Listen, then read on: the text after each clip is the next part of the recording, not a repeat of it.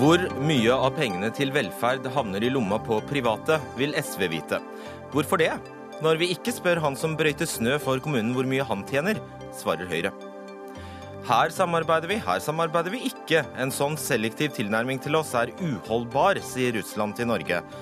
Kan vi takke oss selv for et stadig kjøligere forhold til naboen vår? Sykehuslegene og sykehjemslegene lever i to ulike verdener, og pasienten må bo i begge, viser ny rapport. Er legene så nedlatende overfor hverandre at det går utover deg og meg? Og hvem har skylda for at vanlige folk knapt har råd til å gå til rettssak? Dommerne eller advokatene?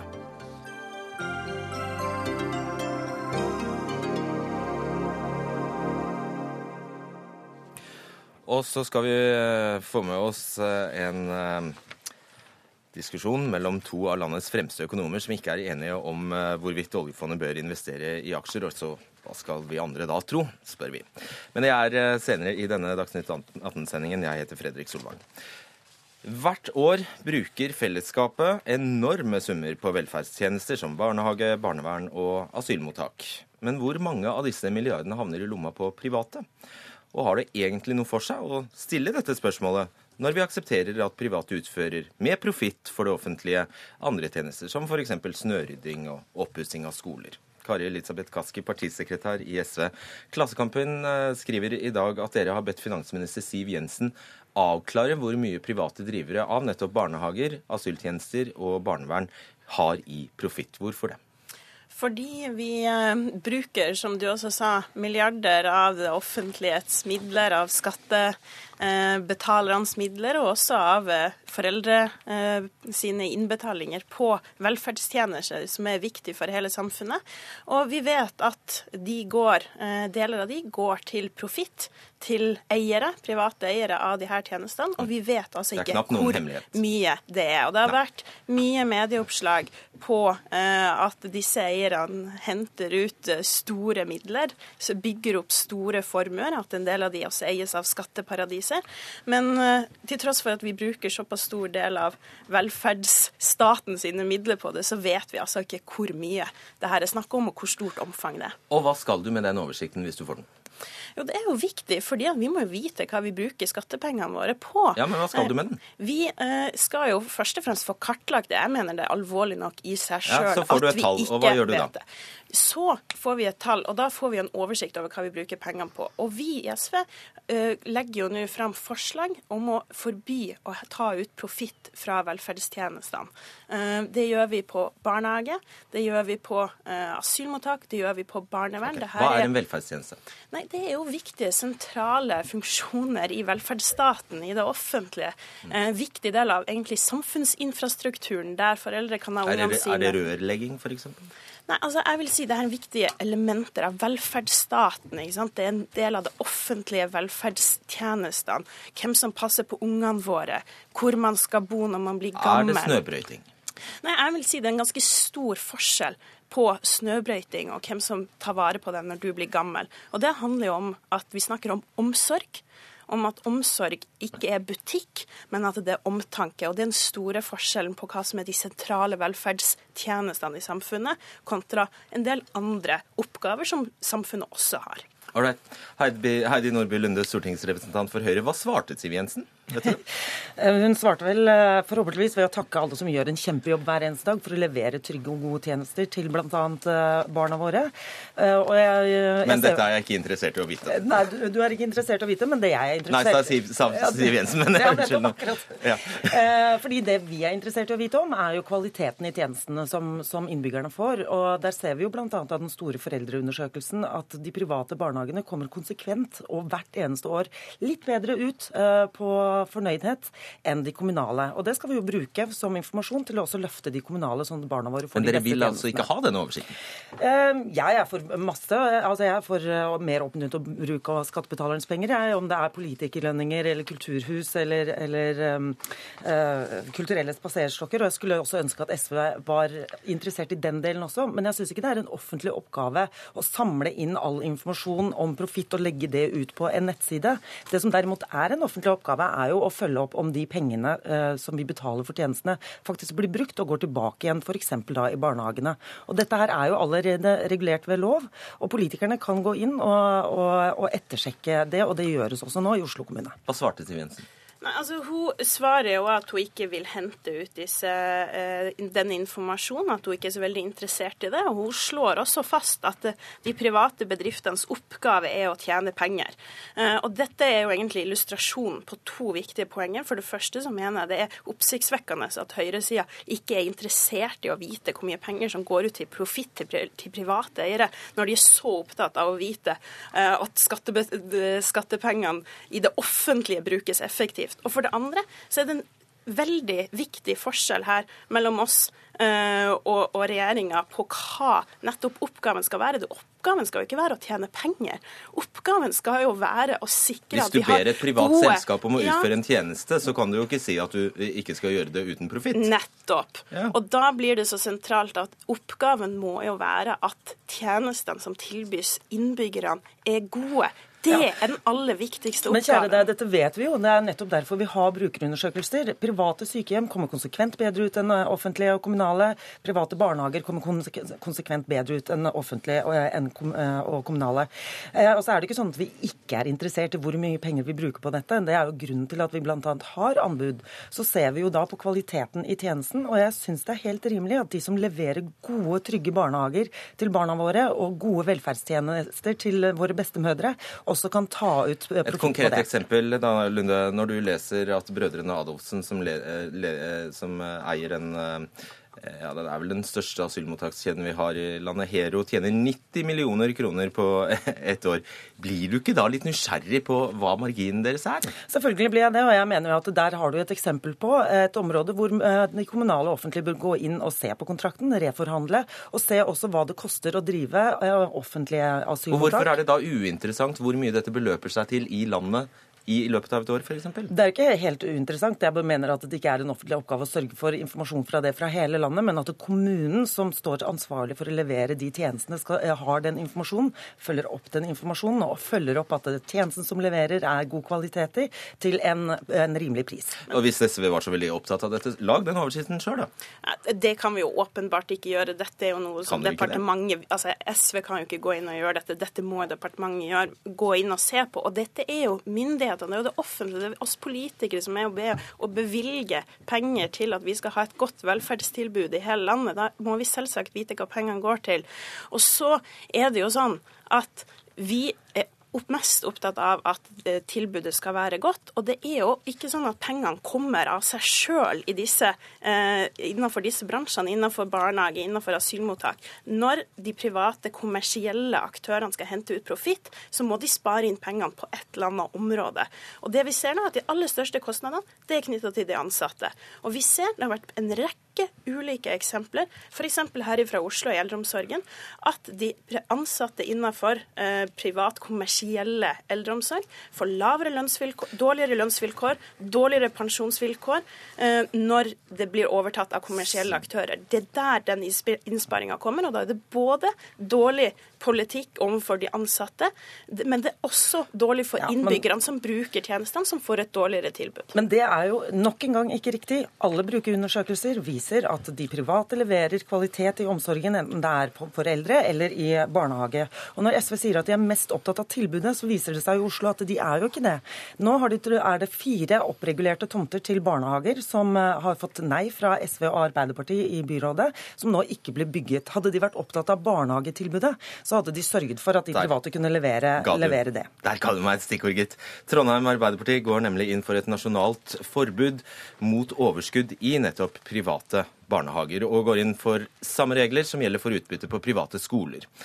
Det er Adresseavisen som skriver det i dag, men, nei, som skrev det for noen dager siden. Men i Oslo har det rød-grønne styret forsøkt seg på et forbud mot kommersielle barnehager, og det gikk ikke etter krav fra Rødt. Det gikk ikke så bra, det viste seg å være ulovlig. Edvin Helland, bystyremedlem i Trondheim bystyre. Hvorfor prøve noe som ikke lar seg gjøre? Du, Det er fullt mulig innenfor dagens rammer å, vedta det samme som eh, det er for privatskoler. Eh, så det, det, men dette er en viktig debatt som Arbeiderpartiet skal ha på landsmøtet i april. Men, men vi kommer til å slåss for at dette skal være gjeldende for, for Arbeiderpartiets politikk fremover. Og hva er det dere vil? Nei, Vi vil jo hindre at det er mulig å ta ut utbytte. Kort og, kort og sagt. Kort sagt. Ja. Rekommunalisere alle barnehagen, da? Ja, eh, hvis det er sånn at eh, barnehagene syns det er vanskelig å drive og, og, og, vanskelig å få det til å gå rundt, så skal vi eh, som kommune ha eh, nok plasser. Det er lovpålagt, eh, og det, det, skal vi sørge for. Men dette er jo et forslag dere legger inn til landsmøtet, så det er noe dere ønsker i hele landet. Alle landets barnehager skal bli kommunale. Er det det dere ønsker? Ja, det her er en viktig, viktig debatt, for det her handler om det vi betaler i skatt. 100 kroner inn, 100 kroner tjenester. Det, det, det er så enkelt. Vi så svaret er ja? Dere ønsker ja, bare kommunale barnehager? Nei, ikke kommunale, bare kommunale barnehager. Men vi må skille mellom, mellom private private, ideelle og kommersielle. Det var jo det eh, som ikke lot seg gjøre i Oslo, da? Det lar seg gjøre, for at eh, når du driver en kommersiell barnehage, så driver du etter en, en helt annen eh, praksis. Nei, det var det som var vanskelig å gjøre, nettopp å gjøre det skillet mellom private og kommersielle. Nei, men det alt er mulig. Hvis du ser på den eierskapsstrukturen, så er det jo mulig okay. Eh, vi har hatt en barnehagelov siden 2013 som sier offentlig tilskudd og foreldrebetaling skal komme barna i barnehagen til gode. Barnehagen kan ha et rimelig årsresultat. Har dere ført økonomisk tilsyn med barnehagen i Trondheim slik dere har anledning til ifølge loven? Nei, vi har, eh, vi har, eh, vi har god oversikt over det som, er, som foregår. Har dere ført tilsyn? Nei, vi, vi, etterspør jo tilsyn etter hvert som vi hører om, om, om Har dere ført tilsyn? Ja, Vi spør, vi spør jo rådmannen hele tida om tilsyn. Har dere eh, ført tilsyn? Nei, det har vi ikke gjort. sånn Nei. som Hvorfor det. Hvorfor har dere ikke ført tilsyn? Nei, Vi fører tilsyn når vi får bekymringsmeldinger fra ansatte og organisasjoner. Ja, Men hvis du mistenker at private stikker penger i lomma i, som profitt, Bør du ikke i det minste føre tilsyn for å sjekke om det er tilstanden? Ja, Det, det er problematisk noen gang å finne ut uh, når du går inn i en barnehage og du, og du finner, uh, du finner uh, Eiendom AS, du finner Barnehage AS, du finner Jobblogg AS, du finner Nike Consulting AS. og det her er samme er, det er det for komplisert til å føre tilsyn? Det kan være komplisert. Altfor komplisert. For de har en struktur som er vanskelig å komme inn i når okay. du går på den enkelte barnehagen. Men altså, Her hører vi jo hvordan Arbeiderpartiet og SV også for så vidt har en sånn mistenkelighet mistenkeliggjøring av all private virksomhet, og kaller, eh, kaller, folk som faktisk leverer gode tjenester ut til innbyggerne, bl.a. for velferdsprofitører, og kommer med beskyldninger som de ikke engang gidder å ettersjekke. Nei, men Dette handler ikke om at vi anser disse menneskene som, som dårlige personer. Det er mange av de som leverer gode tilbud. Men vi er opptatt av hva skattepengene går til. Og vi ser, Grunnen til at det er vanskelig å få oversikt over dette, handler om mye kreativ finansiell akrobatikk. Og Derfor så er det jo derfor vi etter etterspør også denne informasjonen for å kunne kartlegge i bedre grad hvor mye profitt det er snakk om. Arild Olsen, du er administrerende direktør i Private Barnehagers eh, Landsforbund i Oslo. Oslo er altså den eneste kommunen som faktisk har ført slike økonomiske tilsyn med barnehagene. De har gjort det i ti barnehager, sier, eh, opplyser Oslo kommune selv til oss. De har, funnet, eh, de har fremmet krav i fire av dem. Ett av dem er trukket tilbake nå. Men dog, det er faktisk tre av ti. Ja, eh, Så vidt jeg vet, så er ingen av de endelig avgjort. Jeg mener at de fleste av de er inne hos Fylkesmannen enda, at man er uenig om det. Men det er faktisk ført tilsyn i flere barnehager òg.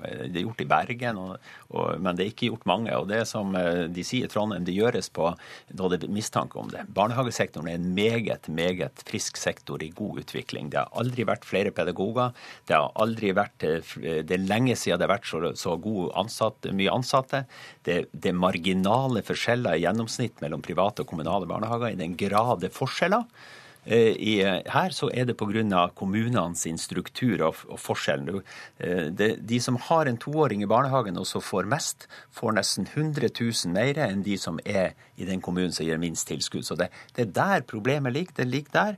Og jeg må si det at det, det, barnehagene rapporterer hvert år gjennom Basil til Utdanningsdirektoratet om regnskapene sine. Det er fleste er, leverer regnskap til Brønnøysund. Det er gjennomsiktig, de kan se hva det er for noe. og og, og, det er faktisk sånn at de private har bedre pedagogbemanning enn en, ja. en, en de kommunale barnehagene. Hold, hold, deg til dette med profitt eh, et lite øyeblikk, Ari Osen. Det, det, finnes veldig få tall på dette området, men et av de få vi har, er at det ble tatt ut 192 millioner kroner ja. i utbytte fra private eller kommersielle aktører på barnehagefeltet i fjor. Og det innbefatter også lønn til de som har, til de som har personlige selskaper.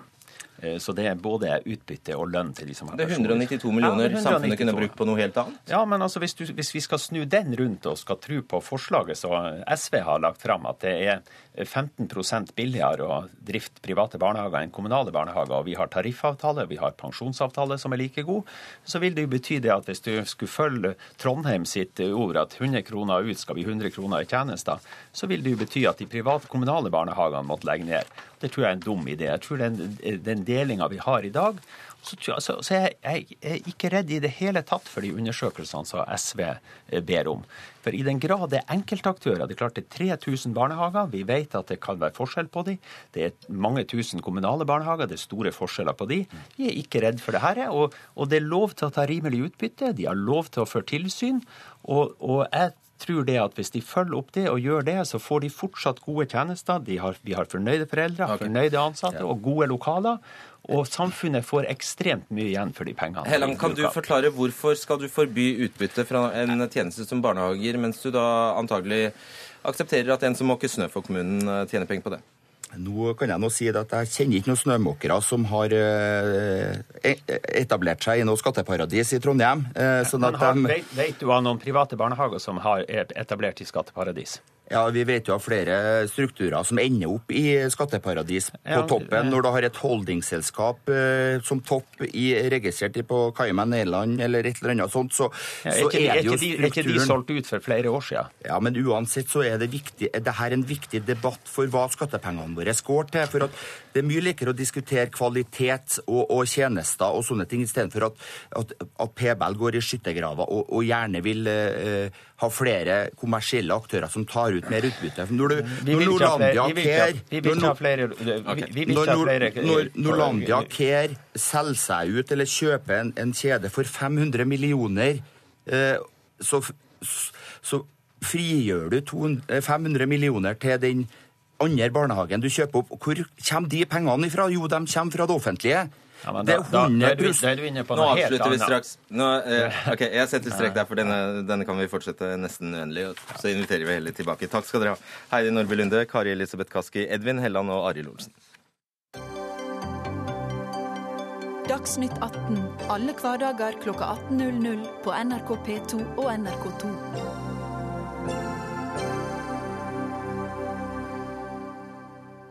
I dag fikk bjørnen i Øst-Russland, vårt mektige naboland, nok av rollen som syndebukk og bråkmaker.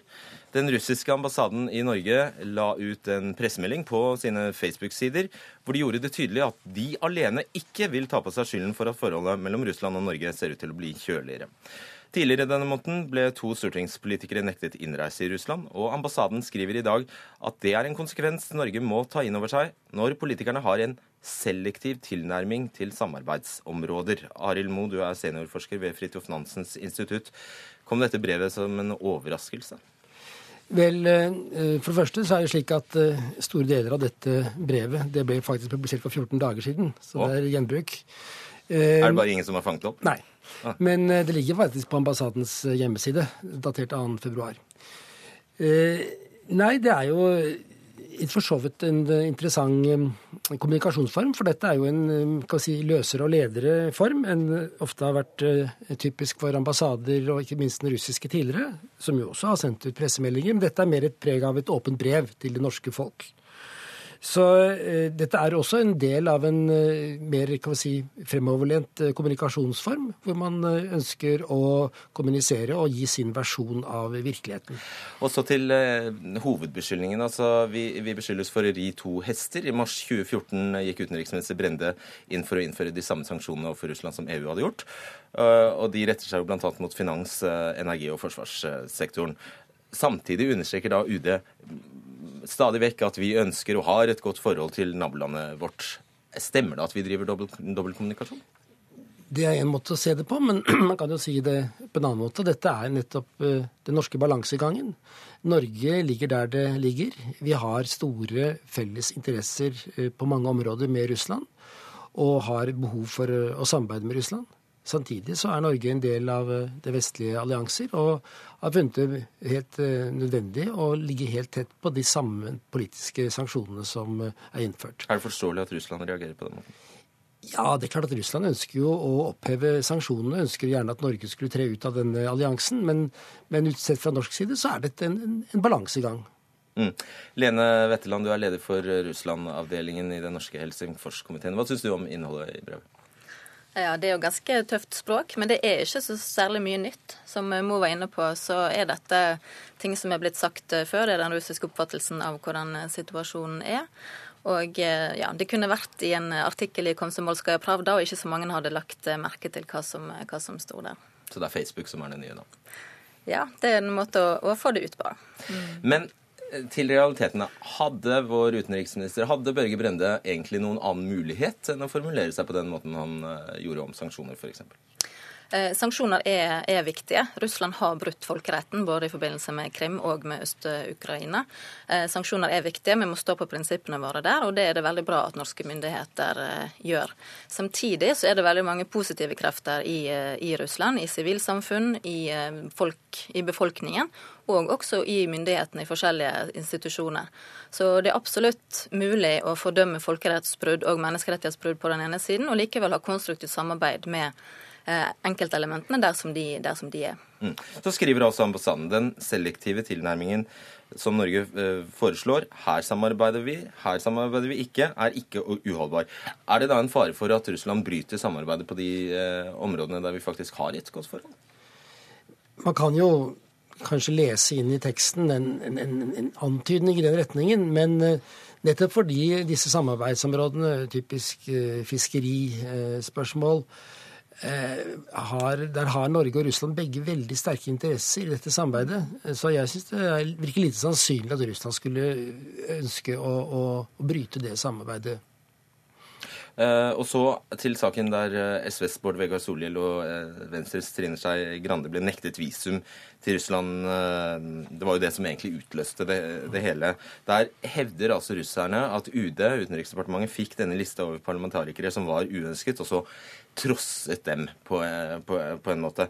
Kunne norske myndigheter ha gjort noe annerledes for å ikke heve, dette, heve konfliktnivået? Ja, de kunne vel det. Altså, De kunne tatt imot listen, tatt den til etterretning, formidlet uh, innholdet til de relevante personene, og så kunne de latt være f.eks. Å, å, legge opp til en, en, en, delegasjonsreise, slik at dette hadde liksom bare blitt uh, borte i det stille. Eventuelt da fortalt hvorfor det ikke denne delegasjonsreisen ble noe av. Hadde det vært fornuftig? Ja, altså Det som jo skjedde nå, var jo at uh, det kom så langt at de leverte visumsøknad med bilde og, og, og, det hele. Og Derfor fikk det på en måte, på en måte mye mer eh, dramatisk. Men uh, sett fra russisk side så, så, er dette da bare et provisjonalt uh, svar på den uh, utestengelsen som norske myndigheter har gjort, bl.a. av russiske parlamentarikere. Ja, Nå ligger ballen hos norske parlamentarikere, sier russerne. Ja, jeg vil heller påstå at den ligger hos russerne. altså Det er de som har brutt eh, folkeretten, og det er de som har fått sanksjonene mot seg. Men eh, det med eh, innreiseforbud er jo heller ikke noe nytt. Altså Vår generalsekretær i Den norske Helsingforskomité han er jo blitt nektet innreise i Russland i, i, mange år allerede. Så det er heller ikke nye takter fra, fra Russland sin side. Er du enig i at, at eh, realitetene ville trumfe politik, eh, politikken og retorikken her, slik Mot sier? Altså på de områdene der det faktisk fungerer? Eh, Russland har jo veldig stor interesse av å fortsette dette samarbeidet, altså med sanksjonene. Sanksjonene virker. Eh, russiske polit eh, politiske vitenskap, altså statsvitere sier at sanksjoner har aldri vært så effektive som de er nå. De siste tre årene så har kapitalflukten fra Russland økt til 280 milliarder dollar. Så, og mye av inntekt og, og mulighetene for Russland ligger i utlandet, altså utenlandske investeringer, som òg har eh, falt veldig. Så det er absolutt i Russlands interesse å holde dette samarbeidet gående der det er mulig. Mm. Eh, nå er jo Russland en eh, nasjon som bryter en rekke menneskerettigheter. Blant annet er politikere og journalister og menneskerettighetsaktivister utsatt for forfølgelse og overgrep. Og når det gjelder folkeretten, så vi alle, kjenner vi jo alle til Krim-annekteringen, selvfølgelig. Hvis dette fortsetter, eh, kan vi da se for oss enda tøffere sanksjoner? Det er jo ikke umulig, men eh, det er viktig å understreke at dette er jo ikke et norsk-russisk bilateralt eh, problem. eller Det er heller ikke der løsningen ligger. Dette jo en, inngår jo i den større konflikten mellom, mellom, øst og vest. Og det er jo der på det planet hvor det vil eventuelt skje endringer. Det er klart at man på russisk side har hatt store forventninger om en endring i den vestlige sanksjonspolitikken med Trump. Da kan det se, se som det kanskje har skjøvet noe ut. Men ehm, det er allikevel slik at, at den norske politikken nok eh, i stor grad vil være et haleheng til det som skjer på det litt større plan. Men sender da Russland tilsvarende brev til alle andre land? Man har jo også bilaterale eh, saker gående med andre land, med, med, med, med innreisenekt. F.eks. en canadisk eh, utenriksminister Akkurat hvilke brev de har sendt, eh, det vet jeg ikke. Men sett fra russisk side så er det jo eh, klart at de ønsker å, se om det finnes noen små justeringsmuligheter i, på de enkelte landenes uh, områder. Og jeg vil jo si at et visst monn er det jo der også, på norsk side. Selv om man forholder seg lojal til et sanksjonsregime, så går det an å alltid justere litt på hvordan man uttrykker seg og hvilke signaler man gir. Og jeg vil jo si at det at Børge Brende i dag har annonsert at han akter seg til, til den store Arktiskonferansen i Arkangelsk i mars, kan jo også tolkes som et slikt signal. Mm. Kan også dette brevet ses på som en håndstrekning fra Russland til Norge? Ja, Det er ikke godt å si. Det kan jo òg hende at eh, brevet er helt uh, uavhengig, altså at Kreml ikke vet om det, at det ikke er koordinert. For det kommer litt, litt ut av det blå. Altså Det har jo skjedd uh, ting mellom Russland og Norge i det siste, men ikke i så stor grad at dette skulle, at det skulle avstedkomme noe sånn voldsomme reaksjoner. Kanskje får det ikke noen praktisk påvirkning på forholdet mellom Russland og Norge i det hele tatt. Men det jeg ville si om, om sanksjoner, det er at det er jo viktigere enn noen gang at Norge og kanskje andre land som får denne type, om det er en håndsrekning eller om det er ekstra press at eh, man står ved prinsippene sine og holder på sanksjonene. fordi Hvis man nå skulle bestemme å, å, å, å, slutte med de eller gjøre de mildere eller på noen som helst måte, så vil jo det undergrave hele verdien til sanksjonssystemet i utgangspunktet. Det vil vise at man kan dra det ut, at man kan undergrave det, at, kan, ja, at eh, prinsippene som Vesten forfekter, ikke har noe å si i det hele tatt. Veldig kort, er du enig i det, Mo? Ja, altså dette Nå, nå diskuterte jo dette bedre fra en slik sånn realpolitisk eh, sammenheng. og det er klart at eh, Sanksjonene det er en måte å forsøke å presse Russland på, samtidig som de har negative eh, konsekvenser i landene som gir sanksjonene. Så er det spørsmål hvem er det som holder ut lengst. Det er det. Takk skal dere ha, Arild Moe og Lene Wetterland.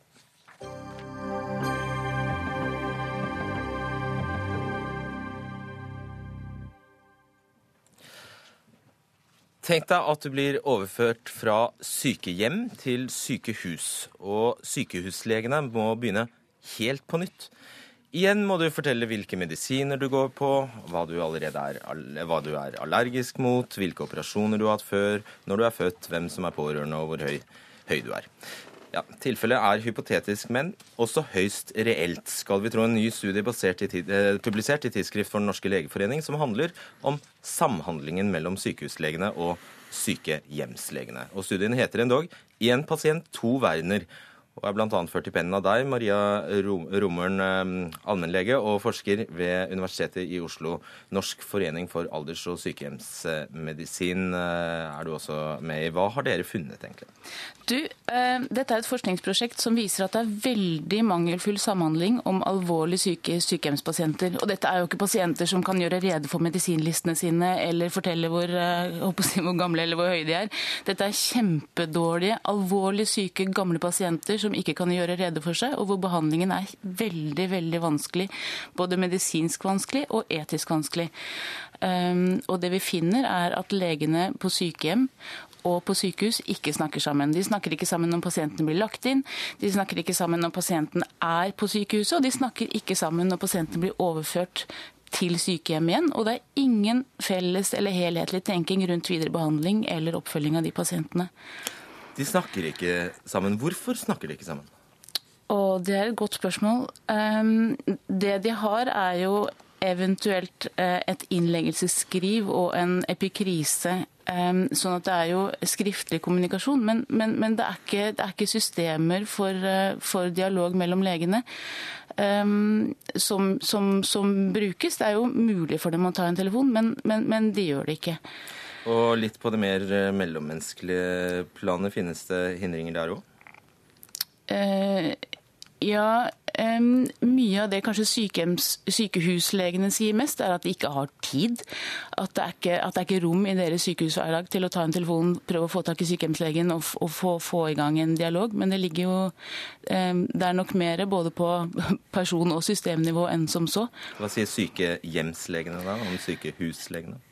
Uh, sykehjemslegene er først og fremst uh, Sykehjemslegene ringer ofte og konfererer med sykehuslegene hvis de er i tvil, men, uh, men, men de er veldig frustrert over å få overført Ehm, gamle mennesker på, som er kjempedårlige og med pågående behandling, med så lite opplysninger om hva som er tenkt videre og hvordan behandlingen skal fortsette, og bli sittende igjen med ganske store både medisinske og etiske dilemmaer på sykehjemmet uten å ha, uh, å ha vært i dialog med sykehuslegene i forkant. Dere skriver også at det preget av denne samhandlingen, eller mangel på sådan, preges av forutinntatte holdninger. Kan du gi noen eksempler på det? Eh, ja, um, nå, nå, nå, er jeg både forsker og lege, så jeg er jo mer opptatt av å, å si, fokusere på å bedre pasientbehandlingen enn å polarisere mellom legegruppene. Uh, men det er klart at mangel på kontakt og negative erfaringer forsterker jo opplevelsen av å være i to leire. Uh, og fordomsfulle holdninger får jo typisk blomstre når man snakker lite sammen. Hva er den typiske fordommen uh, fra en sykehjemslege overfor en sykehuslege, f.eks.? Nei, sykehjemslegene er opptatt av at sykehuslegene i altfor stor grad eh, går rett på med, med, full utredning og full behandling av alle pasientene. At det er et, det er et sånt behandlingsimperativ som ligger på, eh, på sykehussida. At de ikke gjør bedre vurderinger underveis på, på Er dette en pasient som skulle vært behandlet, eller, eller hvor, hvor palliativ eh, behandling kanskje er det mest riktige. Og omvendt av, hva sier sykehuslegene om sykehjemslegene? Ja, der... Um sykehuslegene har en tendens til å ligge ansvaret for dårlig de, Jeg vet ikke. De har en tendens til å legge ansvaret for dårlig, dårlig samarbeid på sykehjemslegene og si at det er sykehjemslegene som forbedre, må forbedre seg. Og jeg tror mange sykehusleger kanskje ikke vet om engang utviklingen og forbedringen i sykehjemsmedisin som har skjedd de siste åra. Er de nedlatende? Um, ja, til dels. Noen, noen, kan ha en tendens til det. Det, det fant vi da vi snakka med dem, ja. Mm. Kjellaug Enoksen, du er sykehjemsoverlege i Askøy kommune i Hordaland. Og det er du som er leder i Norsk forening for alders- og sykehjemsmedisin. Sånn skulle det være. Kjenner du deg igjen i denne studien? Veldig godt. Det, ingenting av det som eh, hun beskriver er ukjent for meg. Og eh, jeg vil jo si at eh, sånn som hun har beskrevet det, det er dessverre ikke blitt bedre i løpet av de årene som har gått. Det er etter mine begreper blitt kanskje verre. Hvem har hovedansvaret? Eh, jeg vil jo si at det er, det er et Det største sviktet er det på systemnivå at man ikke har laga system for at kommunikasjon skal gå mellom fagfolk. Det vil si gå fra lege til lege. For dere har ikke engang et datasystem som snakker sammen? Nei, det har vi ikke. Så hvordan foregår det da i praksis? Eh, telefon blir nevnt her. Hva, hva ellers kan dere bruke? Faks. Fa telefaks, ja. ja. Nettopp. Ja. Uh, ok. Hva går det utover? Hva ser du det går utover? Altså, Det største trusselen er jo pasientsikkerheten. Og eh, det er klart at Pasientene får jo mye dårligere behandling når ikke vi har gode system for å, å ringe og snakke med hverandre, eller å uh, få sendt gode beskrivelser av situasjonen mm. når vi legger pasientene inn. Torgeir Brun Wyller, du er professor i geriatri ved Universitetssykehuset ved Universitetet i Oslo. I denne rapporten så står det altså at eh, sykehuslegene var sjelden i dialog med sykehjemmet. De mente det var for tidkrevende og lite fruktbart. Er det noe du kjenner deg igjen i? Jeg tror nok at det er sikkert riktig at mange sykehusleger syns det. Jeg tror ikke det er riktig. Jeg tror det er eh, vel anvendt tid å prøve å opprette kontakt mellom de som jobber i sykehus og de som jobber i eh, primærhelsetjenesten. Både sykehjemsleger og, fastleger. Men det er helt riktig som Kjell Genoksen sier, at systemet ligger veldig i beskjeden grad til rette for det. Og, øh, og det problemet er blitt stadig verre. Og sånn jeg ser det, så det er klart både Marie Romøren og Kjell Genoksen har rett i at det er øh, det kan være hold, spørsmål om holdninger, det bygger så lett opp stereotypier om hverandre når man ikke snakker sammen, og, og det må vi prøve å bekjempe. Det er jeg helt enig i. Men samtidig syns jeg det er viktig å påpeke at dette her er et uh, dette er en forventet utvikling av en vedtatt politikk. Uh, Norge har rekordfå sykehussenger og får stadig færre. Det gjør at liggetiden i sykehus blir kortere og kortere. Det blir større og større press på å få skrevet pasientene ut.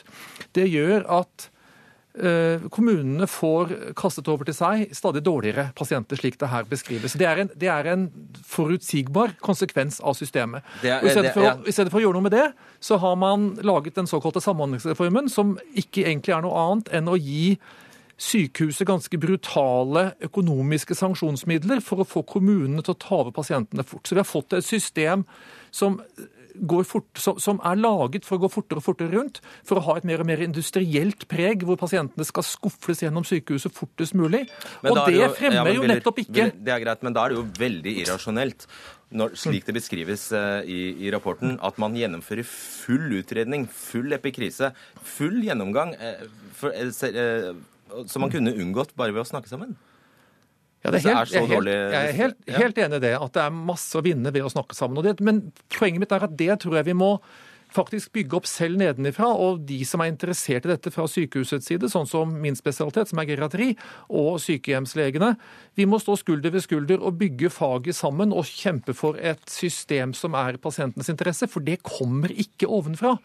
Eh, våre politikere og våre helsemyndigheter legger altså opp til et industrielt system der pasientene skal spas gjennom fort, og det fremmer ikke kommunikasjon. Jeg vil bare litt tilbake til dette med holdninger, eh, Enoksen. Eh, kjenner du deg igjen i en, at sykehuslegene kan oppføre seg arrogant? Jeg vil si at i svært liten, liten, grad. Når jeg kontakter mine kolleger, og det, det jeg hører fra andre leger også, så får man en eh, god dialog, og, og eh, pasientene er jo eh, også fornøyd med personalet inne i sykehus når de kommer tilbake, både pasienter og pårørende. Men det her er systemet som, som Brunvøller sier her, det er ikke lagt opp for å, å håndtere folk, det er lagt opp for å håndtere pakka. Jeg, jeg, jeg, skjønner at begge to har mest interesse av å snakke om systemet, og det er for så vidt greit. Men Müller, du har også påpekt for, for, oss tidligere at du mener disse holdningene, eller problemene med holdningene, de går begge veier? De kan gå litt begge veier, og det finnes eh, nok litt stereotypier på begge sider. Eh, sykehjemsmedisinen strever fortsatt med lav prestisje, og, og, og, at enkelte sykehusleger synes at det er litt sånn mindreverdig å holde på med. Slik som geriatrien i sykehus for så vidt også har vært utsatt for. Mens enkelte leger ute liker å snakke ned sykehusleger. Poenget mitt er at det vi kommer jo ingen vei på den måten. Eh, vi, eh, vi må selv ta initiativet for å få et bedre samarbeid, for det er helt klart i pasientens interesse. Men, men, men for å ta forskningsbiten i det, da, så finner vi jo det at når de faktisk snakker sammen, så er de jo kjempefornøyd. Og det er jo mye bedre for pasientene. Særlig disse gamle menneskene. Jeg skulle tro du snakket om livet, du, Roman. Men jeg skal bare spørre. Altså, dette må jo koste enormt, men det må sløses vanvittig mye med ressursene her. Rommeren? Eh, ja, det er klart det. Eh, det, det er jo eh, det, Man risikerer overbehandling, man risikerer underbehandling, man risikerer feilbehandling. Man risikerer behandling som ikke er tilpasset pasienten ønsker. Og, og, og veldig mye og unødvendig fortvilelse og frustrasjon, konflikt med pårørende som man må rydde opp i. Det er jo også tidkrevende. Jeg, jeg, jeg satt og tenkte i stad at du har et veldig godt poeng i at det er mye enklere å rekvirere prøver eller røntgen eller andre undersøkelser enn å sette seg ned og ta en prat med, med enten med pasient og pårørende eller, eller med innleggelse overlegene lege eller, eller, den du skriver ut til. Da. Willer, til slutt, du får ikke gjort noe med Samhandlingsreformen i dag. Her og nå og i nær framtid, hva er den aller enkleste, beste løsningen? Jeg tror vi må prøve å lage gode allianser lokalt. Vi må forsøke å legge til rette for at sykehuslegene og sykehjemslegene i den samme regionen blir kjent med hverandre. Vi må, vi som er ledere i sykehus, som oppfordre våre kolleger til å ringe til sykehjemslegene og komme til en omforent eh, holdning til de pasientene vi er sammen om. Ok, Plukk opp telefoner, dere. Mm. Takk skal dere ha, Maria Romøren, Kjellaug Enoksen og Torgeir Brun-Willer.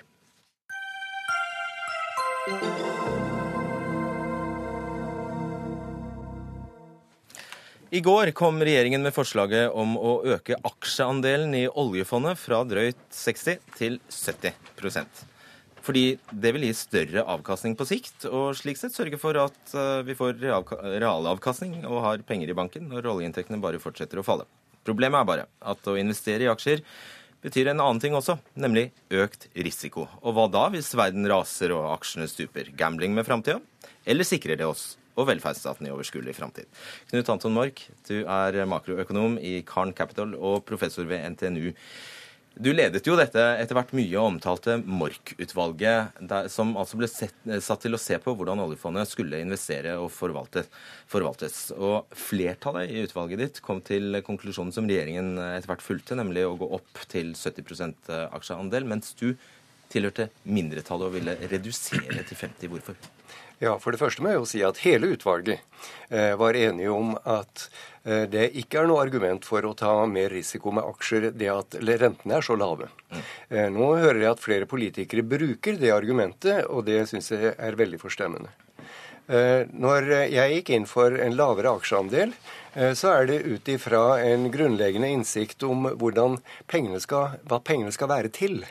Eh, Noe av det første du lærer i finansteori om investeringer, er at du må spørre hva du skal ha pengene til. eh, For å finne ut hvor mye du bør ta av risiko. Eh, Og det vi ønsker, er et tilskudd til statsbudsjettet. Og ingen ønsker at det skal svinge for mye fra år til år. Mens hvis vi da tar veldig mye risiko, så svinger så vil fondet svinge i verdi. Ikke bare avkastningen vil svinge, men fondet vil svinge. Og derfor vil 3% av det svinge også veldig mye. Og det er ikke bare et spørsmål når det går oppover, om vi da kan bruke pengene. Det er også et spørsmål om hva vi da skal kutte eh, når det faller. Er det da bistandsbudsjettet? Er det kulturbudsjettet? Er det Forsvaret? Er det skolen? Er det sykehjem? Dette er problemstillinger som vi er blitt spart for i mange år, fordi vi stadig har fått påfylle fondet fra de løpende oljeinntektene. Det får vi ikke lenger. Vi kan iallfall ikke regne med det. Derfor er dette en problemstilling som kommer til å bli veldig reell over de neste ti åra. Og jeg vil advare derfor, eh, når dette endelig skal opp i Stortinget, mot å ta mer risiko. Der er ikke du, Harald Magnus Andreassen, sjeføkonom i Svedbank. Du satt også i samme utvalg, men du mente tilhørte altså flertallet, som gikk inn for 70% Forklar. Ja, det var flertall. Jeg var, eh, jeg var det alle mot én i utvalget. Eh, um, For det første er jeg helt enig med Knut Anton. Eh, Dette er en, det er en viktig problemstilling. Og det er også viktig at vi eh, Vi er nødt til å ordne oss sånn at vi ikke får for store problemer i statsfinansene ved svingninger i oljefondet. Eh, Nå er det sånn at oljefondet uansett vil svinge mye verdi. Kronekursen svinger, og det påvirker verdien av fondet i kroner. Selv om vi bare har obligasjoner i fondet, så vil de også kunne svinge mye. Har vi 50% aksjer, så vil også de bidra til svingningene, og de blir enda litt større ved 70% Når vi argumenterte med at vi kunne øke andelen aksjer i fondet, så var det fordi at det vil bidra til å gi noe høyere avkastning. Det er ikke dramatisk, men det er altså 40-50 milliarder eller noe sånt, øh, eller hva tallet er, per år. øh, Som, som er den forventede ekstraavkastningen som følge av at du har mer i aksjer. Eh, Og så vil du da måtte innrette oss sånn at vi ikke må gjennomføre store endringer i budsjettene fra år til år, selv om fondet svinger. Ja, og, det er Hvordan skal du hindre den situasjonen Mork Ja. beskriver, der du plutselig svinger, der, der eh, markedene faller så mye at du plutselig må kutte? Ja, altså, Nå må du ikke kutte, selv om aksjekursene faller og fondet blir mindre verdt. Men det er klart at dersom fondet blir mindre verdt, eh, så vil det være riktig å bruke mindre og overføre mindre til statsbudsjettet. For hvis vi ikke gjør det, så vil det etter hvert tappe ned fondet, og det blir borte for oss. Eh, det vi i flertallet i utvalget mente, at en 70 %-andel i fondet med aksjer ikke vil gi så store svingninger i fondet at det vil være så utfordrende at det var umulig for politikerne å håndtere de svingningene hvis de kunne ta det over lang tid. Og Hva er da alternativet hvis det er statspapiret eh, statspapirer for eksempel, som knapt nok gir eh, avkastning? Det er ikke sikkert at vi kan regne med så mye avkastning av dette fondet i det hele tatt. Det er helt riktig, det. Men det er noe vi ikke kan forandre på. Vi, vi kan ikke ønske oss til det. skal vi, skal vi ikke ønske maksimering? Skal vi bevare pengene for framtidige generasjoner, eh, så skal vi heller ikke ta for mye risiko. Da kan det heller være en bedre at vi skal nøye oss med en lavere avkastning. Det er det jeg argumenterer for. Eh, men jeg er veldig skeptisk og veldig kritisk til dette argumentet om at vi skal, eh, vi skal klare å skjære igjennom sånne svingninger. Det er ikke slik at aksjemarkedet alltid ordner seg på sikt. Eh, det blir veldig vanskelig, i alle fall ifølge forskerne, å forklare eh, den normale meravkastningen på aksjer hvis det ikke nettopp er slik at det er mer enn svingninger. Det er en risiko for hvordan det skal skje på lang sikt. Og La meg gi et eksempel her. La meg gi, la meg gi et eksempel. Uh, Harvard-universitetet, som har et grunnfond, endowment som det heter på engelsk, uh, som de skal leve av bl.a. Det ligner litt på et norsk oljefond. Eh, de eh, hadde investert i aksjer, aksjemarkedet falt tilbake nå snakker vi om tilbake i 1974. Eh, og de bestemte seg for å holde stabiliteten i pengebruken, heller ta litt ekstra av fondet, for dette ville ordne seg på sikt. Ja, det ordna seg på sikt. Aksjemarkedet tok seg opp igjen, men da hadde de brukt av fondet i mellomtida. Så før de kom til bal i balanse igjen, så tok det, hvis jeg husker riktig, 13 år. Tankevekkende. Ja, selvsagt. Når det sånn at vi det er mange ting som er, som er usikre i denne verden. Og denne ligningen og, som kommer i tillegg til det Mork sier her, er at eh, det er politikere som skal vinne valg, som skal ta disse Ja, det er det også. Ja. Eh, jeg vil nok si at uh, grunnleggende for min vurdering av det er at jeg har nok et syn på at verden mest sannsynlig kommer til å overleve i en eller annen forstand. Det er klart kan, Det kan være kriger, det kan være revolusjoner, eiendomsretten kan bli borte når Norge skal plassere penger i utlandet, så er det forbundet med risiko, samme hva vi gjør. Det er for øvrig også stor risiko ved å investere pengene i Norge. Vi vet ikke om de fabrikkene, de jernbanene vi bygger, faktisk vil være verdifulle i fremtiden. Og da er saken at når vi har Når vi, vi, vi, er, vi er nødt til å ta risiko for å kunne få noe form for avkastning. Og den meravkastningen vi får ved å plassere mer i aksjer, tror vi er håndterbar i forhold til altså Den risikoen vi får ved å ta mer risiko, den er håndterbar for oss i politikken. Og så er det slik at Hvis vi da ikke tar risiko, vi kan gå til 50% obligasjoner, eventuelt gå til enda mindre, ja, så vil avkastningen helt sikkert bli mindre enn de pengene vi nå bruker. Det sier jo Mork. Ja, det sier Mork. Ja, og da vil vi også måtte selvfølgelig ha mindre sykehjem og mindre forsvar av hva det måtte være. Eh, hvis vi ikke er villige til å ta noen sjanse med de pengene vi har. Og så hvis det, det jeg prøvde å si til å begynne med, hvis det går ordentlig galt, det kan hende at det skjer. Så vil det sannsynligvis også gå alt med obligasjoner vi har. Da vil eiendomsretten til aksjer være usikker, men også trolig eiendomsretten til obligasjoner. Stater har gått konkurs før. Det kan skje igjen. Det er ikke slik at det er noen sikre plasseringer, obligasjoner eller statssertifikater i denne verden. Og da, da tror jeg hoveddiskusjonen faktisk heller enn aksjeandelen, det er hvordan vi innretter finanspolitikken løpende. Hva vi har av sikkerhetsmarginer bygd inn. hvordan vi f.eks. ikke øke pengebruken like fort som fondet øker hvis vi skal ha flaks en stund for å måtte unngå å kutte pengebruken hvis vi skal ha uflaks en stund. Det er den grunnleggende diskusjonen vi, skal, vi, vi egentlig må ta. Vil du avslutte? Uh, det er selvfølgelig veldig mange ting som er usikkert i denne verden, men det er ikke slik at alt er like usikkert, alt er like risikabelt. Det er noen ting som er mindre risikable, eh, risikable enn andre. Uh, og når vi snakker om hvordan vi skal innrette oss, dette er den aller mest primære, den første linja vi har å innrette oss, det er hvor mye risiko vi skal ta. Og jeg mener ikke vi skal ta være, la være å ta risiko. Det fins ingen verden uten risiko, men jeg mener vi skal være forsiktige. Gikk de politikerne du hørte i går inn for den behagelige løsningen? Eh, jeg skal la det være overlatt til folk i media. Vi lar publikum viss... tolke det svaret ditt også, tror jeg. Til en viss grad. Å oh, ja, du erkjenner det. Takk skal du ha. Knut Anton Mork og Harald Magnussen Andreassen. Hør Dagsnytt 18 når du vil. Radio NRK Radio.nrk.no.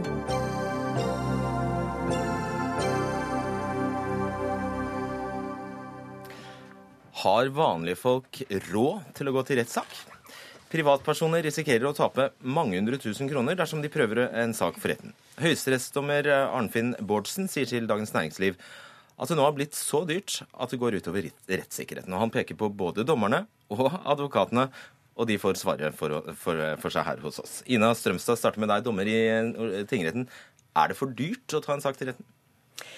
Vi har jo stor forståelse for at eh, eh sakskostnadene er et viktig og sentralt moment før en part vurderer å gå til eh, retten, og at sikkert mange tenker at eh, Eh, risikoen for store kostnader er for høy, og at de derfor lar være. Men samtidig så ser vi at saksmengden til domstolen eh, øker med tiden. Eh, så det er i hvert fall et, en indikasjon da, på at omkostningene sånn sett ikke er avskrekkende. Samfunnet blir mer komplisert, da? Ja, men, men, en side til det kan nok være at de ikke er avskrekkende høye, i hvert fall. Så viser Dagens Næringsliv til et eksempel hvor partene er i en krangel om noen trær på naboens tomt, som da endte med advokatkostnader på 300 000 kroner. Når det er en risiko for sånne, sånne kostnader, eh, tror, du, tror, du, ikke da at det skremmer folk vekk fra faktisk føre en sak for retten? Eh, som sagt, Sakskostnadene er helt sikkert et veldig sentralt eh, moment. Eh, så får jo advokatene gi gode råd før en sak tas for retten. Og så er det viktig å understreke at eh, domstolen har eh, verktøy, har grep for å holde kostnadene nede, og de grepene bruker vi. Mm. Noen av de kostnadene er under saksforberedelsen og, og underveis eh, under hovedforhandlingen. Nettopp. Eh, vi skal komme til hva dommerne eventuelt kunne ha, kunne ha gjort eh, for å begrense kostnadene. Merete Smith, generalsekretær i Advokatforeningen. Hvis jeg trenger en time med juridisk rådgivning eh, fra en advokat, hvor mye koster det meg? Det er sterkt varierende. Våre undersøkelser viser at det er stor forskjell på forretningsadvokater og advokater som først og fremst gir råd til privatpersoner. Gjennomsnittet for alle advokattimer som TNS Gallup har undersøkt, det er ca. 1400 kroner timen. Gjennomsnittet for de eh, advokatene som først og fremst eh, henvender seg til private parter, er litt over 1300 kroner timen. Men så ser vi at for forretningsadvokater så er det vesentlig høyere. Ja, ikke sant. Vi hører om f.eks. Jens Johan Hjort i Stenstrup Storange, som leder Advokatforeningen. Han sier han har en timepris på 2400 kroner. Ja, og det er forskjell. Men jeg tenker på hvis vi nå snakker om privatpersoner som skal gå til rettssak, så kan de gå til advokater. Så altså, vil det ikke være naturlig for dem å gå til forretningsadvokater, men nettopp uh, advokater som har spesialisert seg på den type juss, og det vil være rimeligere. Men det er klart at å gå til rettssak uh, vil alltid koste penger. Det betyr jo at man skal forberede seg godt. Det betyr at man skal være i retten kanskje en hel dag, kanskje mer. Jeg tror aldri det vil bli veldig billigere. Jeg, er det for dyrt? Uh, jeg vet ikke om jeg vil si at det er for dyrt. Det er dyrt å gå til uh, retten. Og man må vurdere hva saken handler om, om man vil ta seg råd til å gå til retten. Og jeg tenker at uh, i forhold til spørsmålet om er det, går det på rettssikkerheten løs, så kan man ikke bare se på eh, det å gå til en full sivil rettssal. I Norge så er det veldig mange andre muligheter å løse tvister på, som koster noe helt annet, og som er mye, mye rimeligere. Også i retten så er det mulighet for en rimeligere løsning for de, for de mindre beløpene. Man har småkravsprosess. Grensen er i dag 100, er ikke 125 000, mm. men den grensen har jo stått stille siden uh, alternativet med småkravsprosess kom i 2008, og bør heves. Og da er det en maksgrense for at uh, advokathonoraret på 20% av det beløpet. Det er også mange andre muligheter å gå til mekling og gå til Forbrukerrådet.